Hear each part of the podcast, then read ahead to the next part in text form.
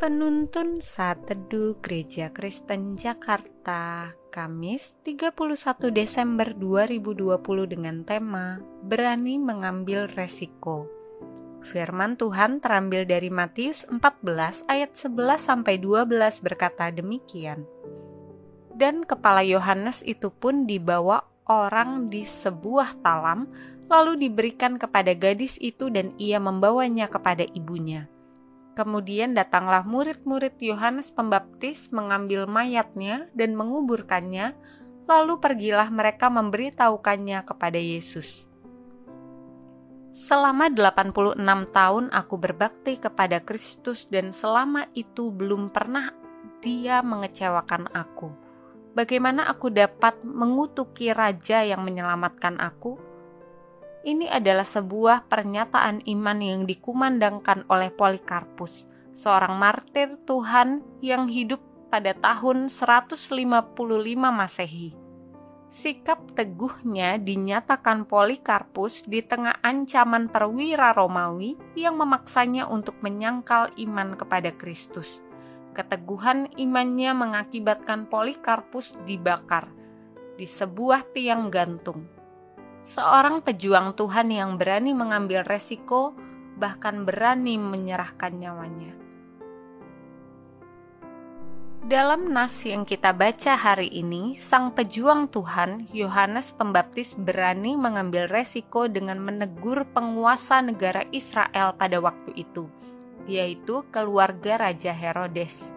Jelas bahwa Yohanes Pembaptis telah berulang kali menegur Herodes Antipas Hal ini dapat dilihat dalam ayat 4 di mana kata kerja berkata dapat dibaca ia biasa berkata atau berulang kali.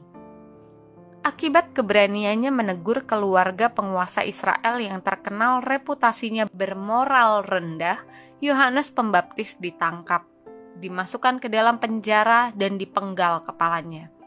Yosepus, seorang ahli sejarah Yahudi, mengatakan bahwa Herodes memenggal kepala Yohanes karena alasan-alasan politis. Sebagai nabi Perjanjian Lama yang terakhir, Yohanes Pembaptis menderita kematian seorang martir seperti halnya banyak pendahulunya. Tak ada zona nyaman bagi seorang pejuang Tuhan yang sejati.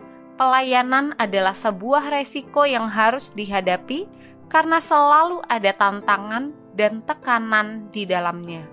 Kita tidak bisa menghindar dan tidak bisa mengabaikannya.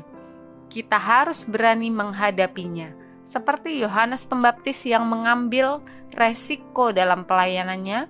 Mari kita juga dalam pelayanan jangan menganggap resiko sebagai musuh terburuk kita, sehingga membuat kita hanya berdiam di zona nyaman kita tetapi marilah kita mulai berani keluar dari zona nyaman untuk melihat pekerjaan Tuhan yang lebih besar yang dinyatakan dalam kehidupan kita. Melalui perenungan pada hari ini kita bersama-sama belajar Yesus mengutus kita seperti domba ke tengah-tengah serigala, bukan mengutus kita seperti serigala ke tengah-tengah domba.